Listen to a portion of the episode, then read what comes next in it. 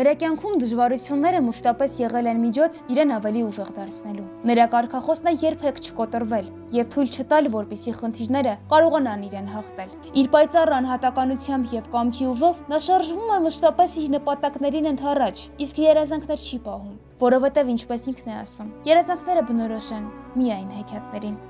Մեր հերոսուհինը 16-ամյա Ռուզանն է, ով Արցախի կարոտը իր սրտում պահած, բայց միևնույն ժամանակ երբեք չկոտրված ու չհուսահատված, շարունակում է արժևորել կյանքը, գնահատելով նրա ապարքեված յուրաքանչյուր ակնթարթը։ 2022 թվականը, ինչպես ինքն է նշում, շրջադարձային եղավ ոչ միայն իր, այլև իր հարազատների կյանքում, փոխելով իրենց կյանքը այնպես, ինչպես իրենք երբեք չէին էլ կարող պատկերացնել։ Այո, 2022 թվականին, երբ ես դուրս եկա Արցախից, մեկ ամիս հետո սկսվեց շրջափակումը եւ այդ 9 ամիսների ընթացքում կարելի ասել շունչս պահած սպասում էի, թե երբ պիտի ծնողներս ու երկու եղբայրներս դուրս գան այն տեղից,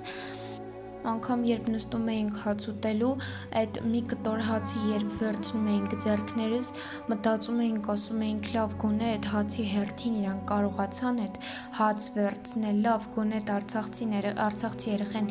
ունի հաց ուտելու ու իրոք շատ դժվար ժամանակներ էր այդ ժամանակ, մանավանդ վերջին 1 ամիսը, երբ մանավանդ իմացանք, որ պիտի ամբողջ Արցախը հանձնեն, շատ ծանր ժամանակներ էր հոգեբանական ծանր վիճակի մեջ էի ընկել այդ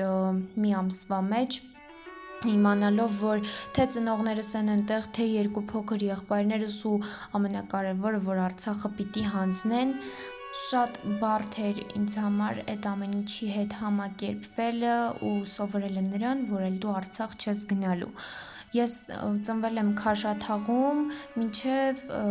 5 տարեկան ապրել եմ այնտեղ, 5-ից 6 տարեկան ապրել եմ այնտեղ, հետո 7-ից 7 տարեկանում տեղափոխվել եմ արդեն Ստեփանակերտ, ապրել ենք Ստեփանակերտում երկար ժամանակ, հետո երբ 20 թվականին տեղափոխվեցի նորից Քաշաթաղ, էլի դպրոց փոխելու համար, պատերազմը սկսվեց, իհարկե պատերազմի ընթացքում էլ ենք այնտեղ եղել ու էդ էլ էր շատ ազդել մեր վրա, մանավանդ հոգեբանորեն շատ էր ազդել, բայց կարողացանք, էդ էլ կարողացանք հաղթահարել ու հետո երբ արդեն ես էի ստեղ տատիկիս հետ ու ծնողներս էին այնտեղ երկու եղբայրներիս հետ, շատ ծանր էր իմ համար, մտածում էի, որ վերջ, էլի պատերազմ է, էլի է սենց, բայց ստացվեց ավելի վատ որ արդեն Արցախը տվեցին ամեն օր երբ լսում էինք որ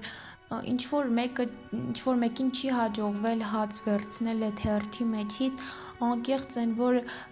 սրտներս կտոր կտոր լինելով ասում էինք լավ ոնց էլի ու իրոք շատ ծանր էր մեր համար այդ ամեն ինչը հաղթահարելը բայց չենք կոտրվել, անգամ ծնողներս չէին կոտրվել այդ ամեն ինչ տենալուց հետո ասում էին, որ ոչինչ, Արցախը էլի հետ ենք վերցնելու ու դրանում կասկած չկա։ Հետադարձ հայաց գցելով արդեն անցած օրերին նա շարունակում է վերապրել զգացած ցավը։ Ցավ, որը իրեն ժամանակից ավելի շուտ հասունացրեց։ Պատերազմի ժամանակ կորցրեցի իմ թանկ մարդկանցից մեկին, կարա ինչու՞ չէ նաև կարամ, կարամ ասեմ ամենաթանկ մարդուն, իմ քերուն, ով ինձ համար եղել է նաև եղբայր։ Ես իրան շատ-շատ էի սիրում, բայց պատերազմի ժամանակ ինքը զոհվեց իր մահից հետո ու մեր տունը թողնելուց հետո մեզ մոտ շատ բաներ փոխվեց իհարկե շատ շատ ժամանակ մեր դեմքին ժպիտ չկար, մենք ապրում էինք արդեն սառը, բայց ապրում էինք անգամ պատերազմի ժամանակ, երբ պատերազմի ձայները, այդ գրակոծների ձայները լսվում լսվում էր, դժվար էր ընդունելը, որ դա պատերազմ է, որովհետև մենք մտածում էինք, թե զորավարժության ձայնն է ու հիմա հաղորդագրության միջոցով կզգուշացնեն, բայց վերջում պարզվում է, որ դա պատերազմ է ու դու ամբողջ ընթացքում ընդեղ լինելով, իհարկե մենք պատերազմի կեսից դուրս եկանք ընդեղից, մեզ տարհանեցին, երբ դու այդ ձայները լսում ես ու այդ գրակոցի ձայները լսում ես ու հերոստացույցը միացրած սպասում ես որ հասկանաս թե ինչ են ասում լրատվական միջոցները ու տեսնում ես որ դուք արդեն զոհեր ունեք այդ ուղղակի абսուրդ է չեմ կարա բացատրեմ այդ ցավը, իհարկե կհասկանան այդ այն մարդիկ, ովքեր տեսել են պատերազմ, ովքեր գիտեն, թե իրանց հարազատի կորուստը ինչ է շատ դժվար էր մեր համար ստեղի ապրելակերպին հարմարվելը եւ այլն եւ այլն, բայց երբ տեղափոխվեցինք, միևնույն է, շարունակեցինք ապրել։ Երբ պատերազմից հետո ծնողներիս հետ հետ գնացի ու նորից դուրս եկա այնտեղից, էլի իհարկե այդ 22 թվականի շրջափակումը էտել էր մի հատ մեծ ցավ, չգիտեմ, ամեն ինչ խառնվեց իրար, բայց այդ ցավի մեջ մեզ չկորցրեցինք ոչ ես, ոչ իմ հարազատները մեզ չկորցրեցինք եւ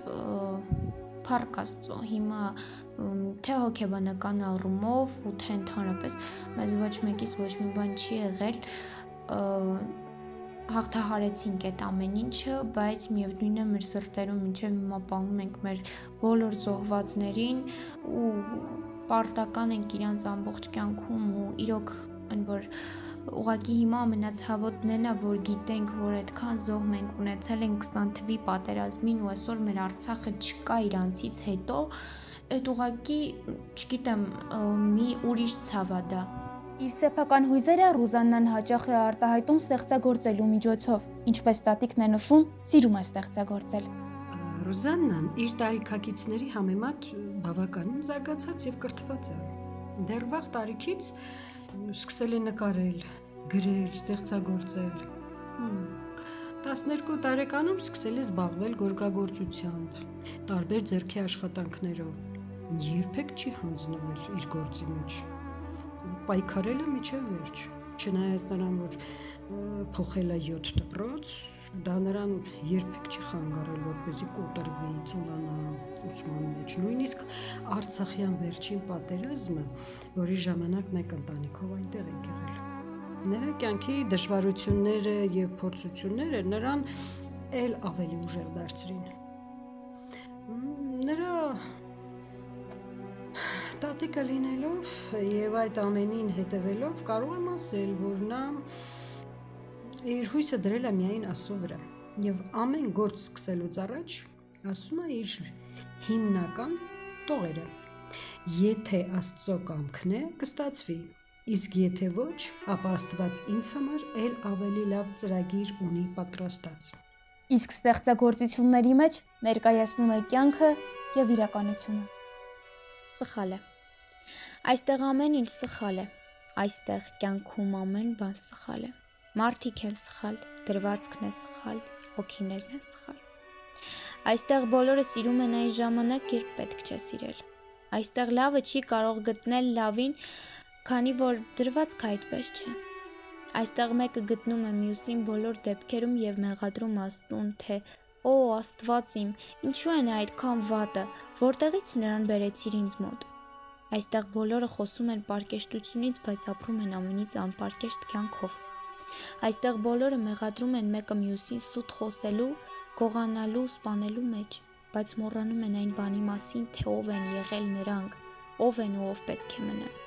Այստեղ հաշմանդամի խուլի կամ համարի կյանքը դժվար չէ։ Նրանց խնամում են, նրանց փոխարեն նույնիսկ ապրում են։ Այստեղ դժվար է առողջ մարդու կյանքն է, ու կյանքը լցված է միայն դառնությամբ։ Սխալ է։ Հա, հենց սխալ է։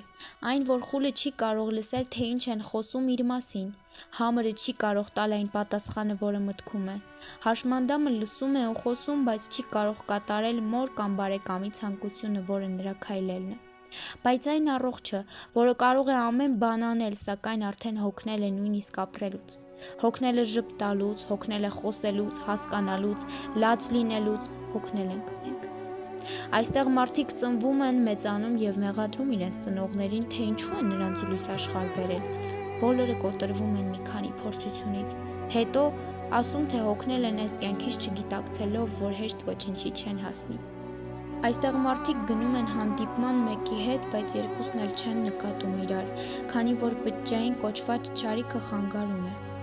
Այստեղ բջջայինով լուծվում է ցանկացած հարց։ Այստեղ մայրը չի նկատում երեխային բջջայինի պատճառով։ Այստեղ սերերը սկսվում են դրանով եւ ավարտվում։ Այստեղ չկա հարգանք դիմացինի հանդեպ, այստեղ միայն կա եսը վեր պահելու կարողություն, դրա համար մարդիկ դարձել են գոռոզ, հպարտ եւ անինքնասեր։ Սխալ է։ Այստեղ ամեն բան սխալ է։ Մենք հոգնել ենք կյանքից ու կյանքը մեզնից։ Հոգնել են բոլորը։ Եվ կարող ես ասել ինչու են սպիտակ շորերով ռեշտակներ կոչվող դևերը քայլում ասֆալտե փողոցներին եւ մարդկանց կողմից անվանվում լավ մարդիկ այն ժամանակ, երբ սպիտակ կտորի տակից թույն են արտաշնչում դեպի նրա սիրտը սև օծերը։ Իսկ մի օր հետ վերադառնալու հույսը դեռ շարունակում է ապրել նրա մեջ, չլքելով իրեն։